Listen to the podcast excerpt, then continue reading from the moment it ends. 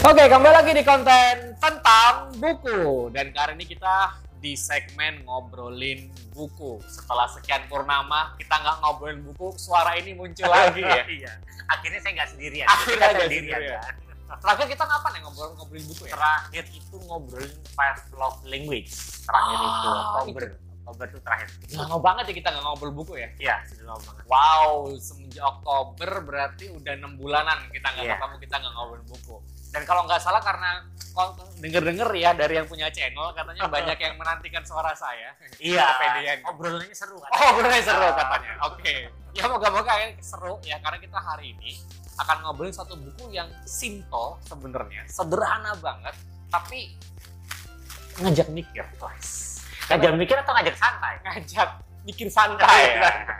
Karena bukunya adalah um, The Little Book of Sloth Philosophy ya. Jadi salah satu buku uh, filosofi tentang uh, kungkang. Ini Kungkang. jujur agak susah ya kungkang. Karena kalau ngomong kungkang inginnya kangkung. Lapar saya. ya, jadi sayuran jadi kita ngomongnya. Ngomongin filosofi sayur. Filosofi kungkang ya. Nah kalau mungkin teman-teman belum tahu kungkang itu apa, um, mungkin kalau dalam bahasa Inggris sloth. Iya, tapi kungkang itu konon katanya hewan yang paling malas gitu sedunia. Kalau menurut begini juga gitu ya. Ah oke. Hewan yang paling malas sedunia kungkang itu yang eh, intinya ngapa-ngapain aja lambat gitu. Ya, mungkin kalau kalau pernah nonton National Geographic, kungkang itu yang kalau di pohon uh, tangannya panjang, terus jalannya dia pelan. Ah iya iya.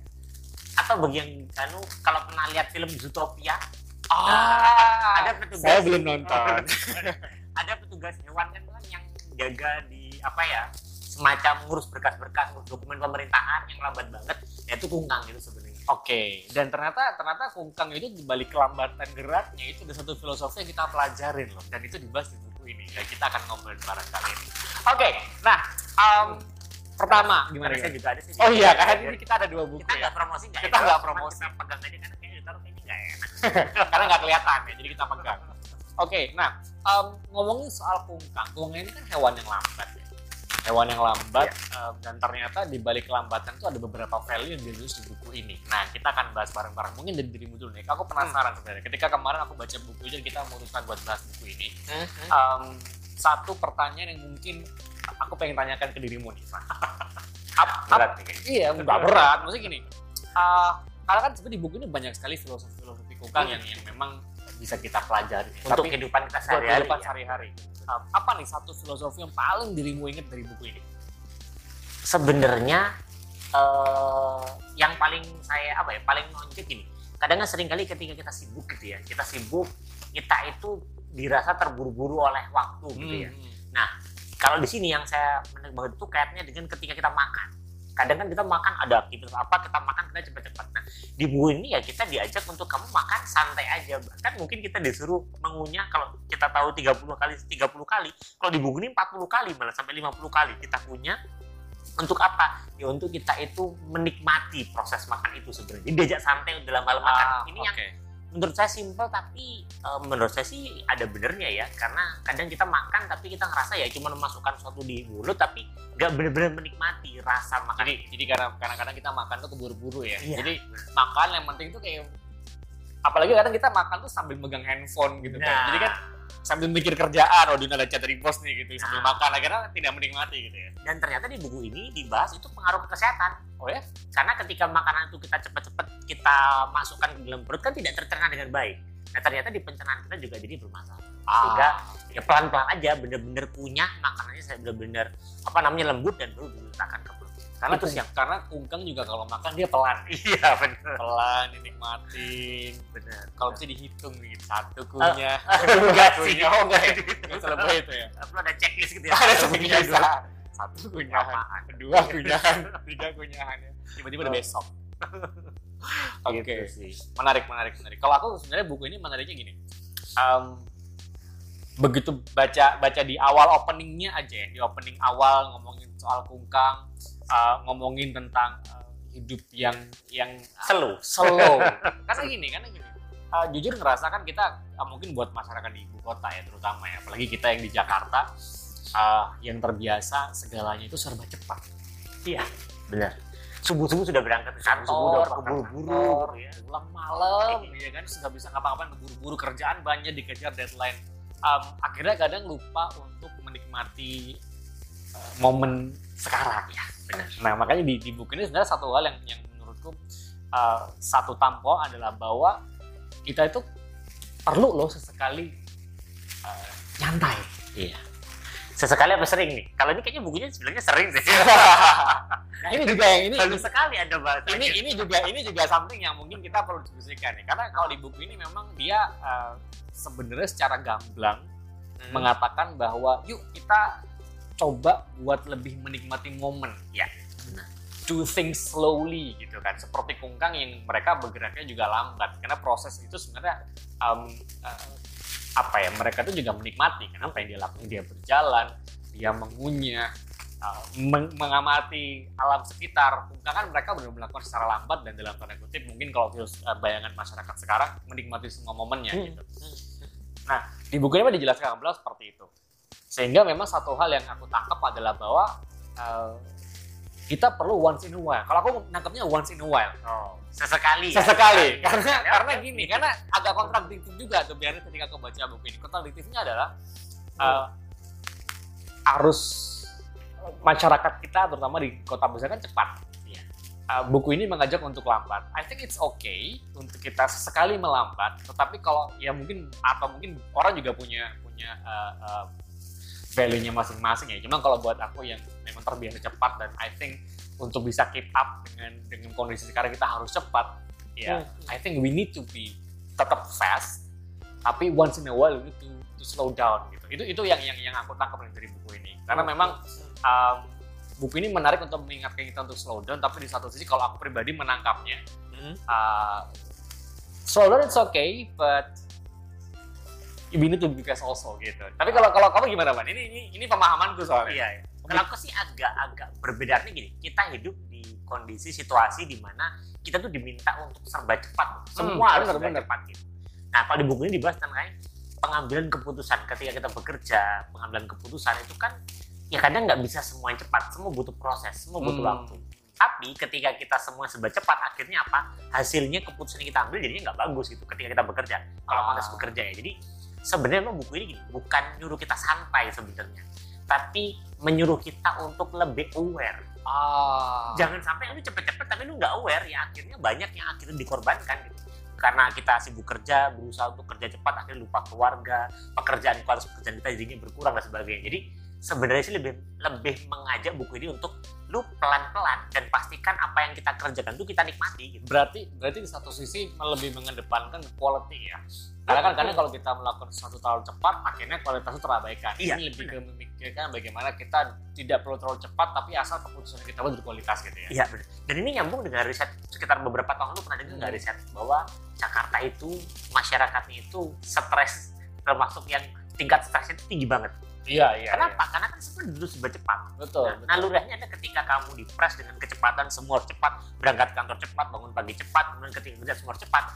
Kan tertekan dong kita dong. Hmm. Kadang kan kita butuh untuk Betul, pelan betul, betul. gitu loh. Maka di buku ini sih lebih ngajak pada kamu santai, tapi santai itu bukan dalam rangka kamu bermalas-malasan ya, tapi lebih ke arah bagaimana kamu meningkatkan kualitas dari apa yang kamu kerjakan. oke berarti lebih ke slow down untuk quality oke that's make sense sih sebenarnya Hmm, Karena di sini ada jelas kan eh, di di covernya itu tetap produktif.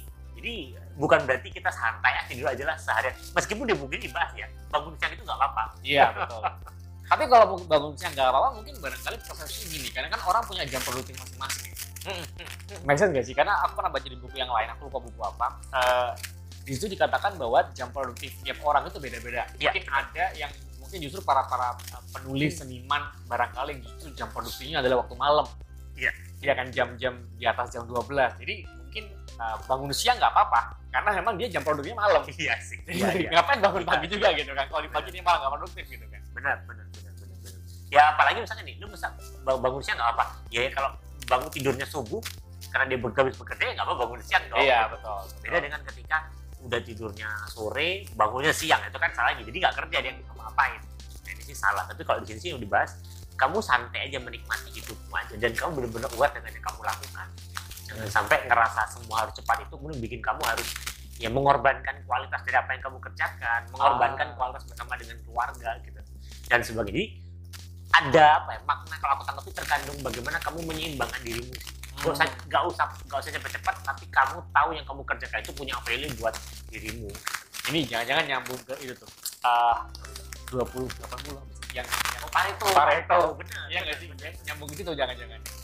Bisa jadi gitu karena kalau Pareto kan juga bilang nggak semua yang ada dalam pekerjaan kita itu punya value tinggi terhadap hasil akhirnya. Nah, kita perlu mencari 20% dari aktivitas kita yang benar-benar kalau kita kerjakan dampaknya itu gede. Sama kan orang Iya, iya. kadang nggak sih orang orang pinter kalah sama orang yang beruntung. Pernah, pernah. Itu tuh gimana tuh maksudnya? Kalau lu gimana? Karena Ya kadang kalau Oh. misalkan orang pinter itu kan kadang ya dia harus mengerjakan satu perfeksionis. Semua Hmm. harus dilakukan secepat mungkin, sebisa mungkin, setepat mungkin gitu. Tapi orang beruntung ini sih bukan berarti dia nggak mau tapi dia tahu momentum. Dia tahu momentum kapan harus cepat, kapan harus lambat. Dia tahu kapan, wah aku ini akan menyelesaikan pekerjaanku maksimal, kapan aku santai dulu aja deh. ah, Jadi banyak orang yang kita sering ketemu orang di kantor, kayaknya nggak kerja kerja itu karena cepet. iya benar itu juga ada tuh. Akhirnya akhirnya orang lain lihatnya gini. Ini orang kayaknya hoki banget nih. Atau enggak kalau kalau ada karyawan-karyawan yang ngeliatnya ini jangan jangan disayangin sama bos.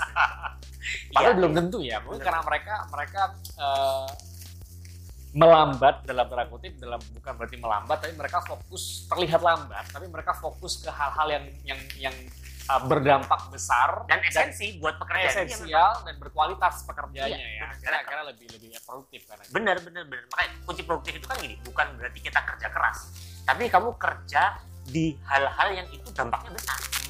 Kamu baik kan kalau kita sehari kan ya teman-teman yang mungkin di organisasi kerja gitu ya tahu kan karena di setiap pekerjaan kita kan nggak semuanya esensial Betul, betul, semuanya iya. penting sebenarnya Banyak kadang administratif yang justru tidak kontributif ya. iya benar dampaknya nggak gede tapi kita harus ngerjain dan itu minta waktu kita Iya, betul. Nah, Setuju. kalau Pareto itu atau konsep orang produktif itu adalah dia tahu bener mana nih pekerjaan-pekerjaan yang dia harus kerjakan karena dampaknya besar. Setelah itu ngapain? Santai kayak gitu. nyambung berarti. Berarti buku ini untuk memahami buku ini teman-teman ya. Jangan-jangan perlu baca yang lain biar biar atau mungkin dengerin podcast kita aja kali Iya, ya. bisa, bisa uh, Jadi, bukunya ada. bisa bisa nyambung dengan bacaan-bacaan kita yang lain. Iya. Dan satu lagi di buku yang menarik. Eh, terlepas dari kita bekerja dan berkualitas juga dituntut untuk liburan. Ah iya iya. ada di sini satu em, saran mungkin barangkali ya dari buku ini adalah forest bathing. Em, apa sih bahasa Indonesia-nya kayak kita ke hutan menikmati alam. Ya kalau sunbathing itu kan ke sinar matahari gitu kan. Kalau forest bathing ya kita benar-benar menyatu dengan alam. menyatu dengan alam betul itu juga menjadi salah satu yang yang kayaknya itu juga uh, lagi ngetren ya sekarang ya Iya. pada hiking pada uh, Ke jalan-jalan di gunung. hutan ke gunung Iya. ya apalagi tengah-tengah covid ini karena memang um, kalau nggak salah di buku ini dikatakan bahwa basically memang manusia itu bagian dari alam gitu. seperti kungkang yang mereka juga setiap hari hidup di hutan di alam yang mereka juga menikmati um, alam tersebut Iya. nah dan kita pun as a human juga itu juga part sebenarnya mungkin barangkali intinya kita juga jangan lupa liburan. Iya nggak sih Iya iya. Karena kalau di buku ini kalau kita lihat esensinya itu gini. Ada kalanya kita tuh perlu memperhatikan diri kita. Yes. Kebutuhan kita itu apa. Jangan kita kerjaan nih demi keluarga. Iya, tapi di buku ini diajak bahwa coba kamu tahu nggak yang kamu butuhkan apa? Siapa tahu yang dibutuhkan ya betul memang hal-hal yang bikin kamu happy, yang bikin kamu santai, kalau bikin kamu slow. Nah, kalau itu bikin kamu happy, ya lakukan aja slow iya betul aja. dan bahkan juga di buku ini ada ngomong soal makanan Dia dia kalau makan makan aja apa yang kamu suka nggak usah yang makan usah. boleh, nggak boleh. karena ya. apalagi orang sekarang kan apalagi untuk beberapa orang ya dia sampai ngitungin kalori Iya kan, makan, udah habis makan nasi makan KFC, berapa kalorinya? Input dulu, kan ada tuh aplikasi-aplikasi Iya. sekarang ya. Makan segitunya, padahal tuh, padahal itu kalau dalam buku ini ya not necessary lah ya gitu ya. Maksudnya buat apa gitu? Karena yang justru kita yang penting kita menikmati itunya. Iya, benar benar. Karena bisa ketika kita menikmati, kita happy. Happy itu bikin kita sehat. Gitu. Betul, Tapi betul. kalau kita Happy, gitu, ya. stres gitu kan. Stres, baru bener. ini. Iya bener-bener. Akhirnya gini kan, karena buat orang karena kan udah lagi diet ya, beberapa kan pengalaman pribadi nih. Jadi justru malah kalau makan itu jadi mikir anjing ini kalau dia makan banyak nih hari ini nih gitu kan akhirnya malah nggak menikmatin gitu.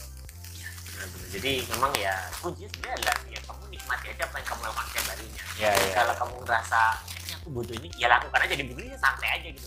Sesimpel itu, sesimpel kamu pengen malas kerasan, bangun siang, bangun siang aja gitu. Makan ya makan makan aja apa yang kamu mau gitu. Jadi memang agak menabrak konsep-konsep yang Yes. sudah ada sebenarnya ya. Jadi, Betul betul betul. Memang sih um, mungkin dari hasil diskusi hari ini akhirnya ada beberapa konsep-konsep yang awalnya aku pribadi sih ngebacanya agak nabrak ya. Eh tapi Iya. ternyata dengan kita ngobrol barusan, oh ternyata maksudnya begini. Kalau kita sambungin dengan bacaan yang lain ternyata ada ada korelasinya juga gitu. benar Iya, iya. jadi emang baca buku ini nggak bisa cuma baca buku ini doang Betul, Karena kalau betul, kita terang mentah-mentah jadi kayak kita mempertanyakan konsep-konsep yang sudah ada Betul, Padahal sebenarnya sih kalau kita bisa ngeliat dari banyak angle sebenarnya nyambung gitu banget kaitannya dengan sebenarnya. Betul. Ya, makanya di situ tulisannya hidup santai tapi tetap produktif. iya jadi bukan santai terus nggak capek Nggak produktif, Iya. nggak produktif kemudian karir nggak naik-naik itu salah tapi ini bagaimana jadi kita santai tapi kita bisa mendapatkan yang kita inginkan Oke, menarik, menarik, menarik, menarik banget ngobrol hari ini. Um, teman-teman bisa dapetin bukunya di toko buku terdekat ya teman-teman dan bukunya ini cukup cukup tipis tipis Nah, ya. Bahkan kalau kemarin aku baca ini cuma berapa 170-an halaman dan kalau mungkin teman-teman yang doyan baca buku ini nggak sampai sehari udah habis.